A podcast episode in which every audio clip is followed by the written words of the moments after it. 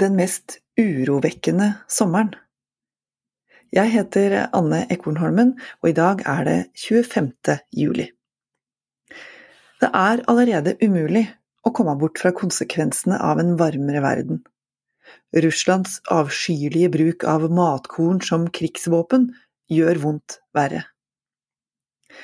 Svetteperlene renner ned mot linningen på shortsen. På jakt etter pause fra solsteiken klumper turistene seg sammen i skyggen, der det bare er 35 grader. Å bade i havet er det eneste som frister, sjøl om det knapt er avkjølende. I fem dager bytta familien ut 16 grader og regn med sol og skyfri himmel i Dubrovnik, Kroatia. Det var intenst, men langt fra de ekstreme temperaturene nærmere 50-tallet i Tyrkia, og langt fra skogbrannene på ferieøyene Rådos og Korfu. Der foregår nå den største evakueringa av mennesker i Hellas' historie, inkludert tusenvis av utenlandske turister. Brannvesenet har over ei uke kjempa mot et flammehav som sluker skog, boliger, butikker og hoteller. Et mareritt for alle involverte. Norske medier forteller om ferierende familier som sendes av sted til fots, som sover på skoler, idrettsanlegg og flyplasser, de savner informasjon, er frustrert og engstelige. Men hva med grekerne sjøl? Hva med dem som ser hus og hjem forsvinne i flammer, og som mister alt de eier? Og hva med jorda? Matjorda?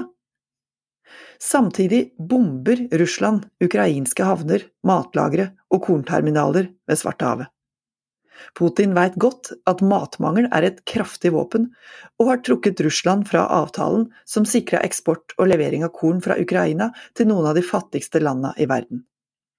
Kornprisen skyter i været, land som Jemen, Afghanistan og Etiopia er på kanten av sultkatastrofe.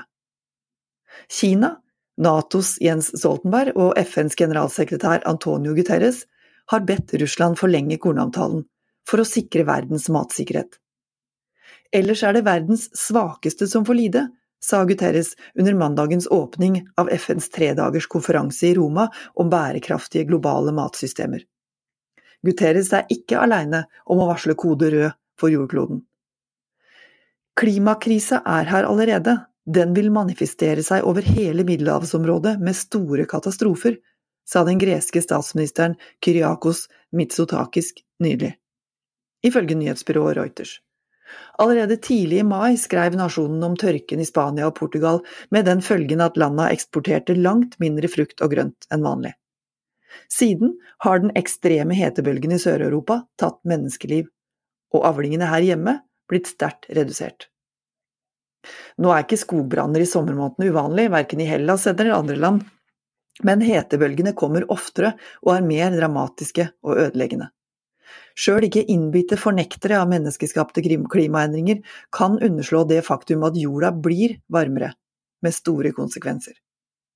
Det vil forandre den globale turismen.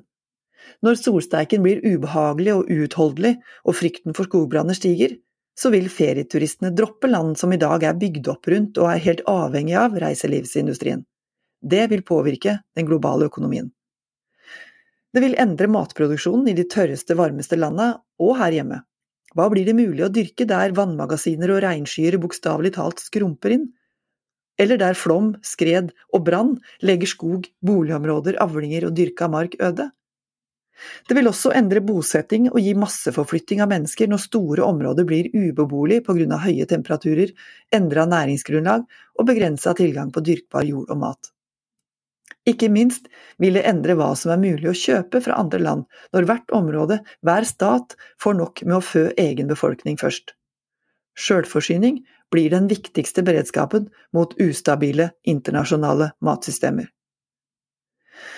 Den som har lest Maja Lundes roman Blå, husker hvordan David og datteren Lu må rømme fra skogbranner i Frankrike og havner i en overfylt flyktningleir. På reisa mot vannlandene i Nord-Europa er de på desperat jakt etter skygge, vann og mat.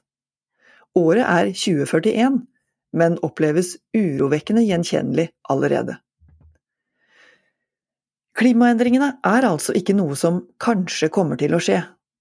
Mennesker på flyttefot og flukt, ustabile forsyningslinjer, sult som grobunn for konflikter, står på agendaen for statslederne fra 193 land som nå er samla i Roma. Det finnes håp i samarbeid og solidaritet, men aller mest trengs handling, og et langt større press mot Russlands uakseptable destabilisering av verdens fred og matsikkerhet. Mens jeg skrev dette, så kom nyheten om skogbrannene rett utafor Dubrovnik i Kroatia, der jeg var for sju dager siden. Vi kunne bare reise hjem til den norske sommeren, den friske lufta. Her er solstrålene i all hovedsak livgivende, mer enn ubarmhjertig sviende. Etter en kaotisk evakuering kan de nordeuropeiske solturistene i Hellas forhåpentligvis også sette seg på flyet bort fra ødeleggende branner. Men noen blir boende igjen. Og det er allerede umulig å komme bort fra konsekvensene av en varmere verden. Jeg heter Anne Ekornholmen, og nå har du hørt Nasjonen på øret. Flere kommentarer finner du på nasjonen.no, eller der du hører dine andre podkast. Ha en fortsatt god sommer!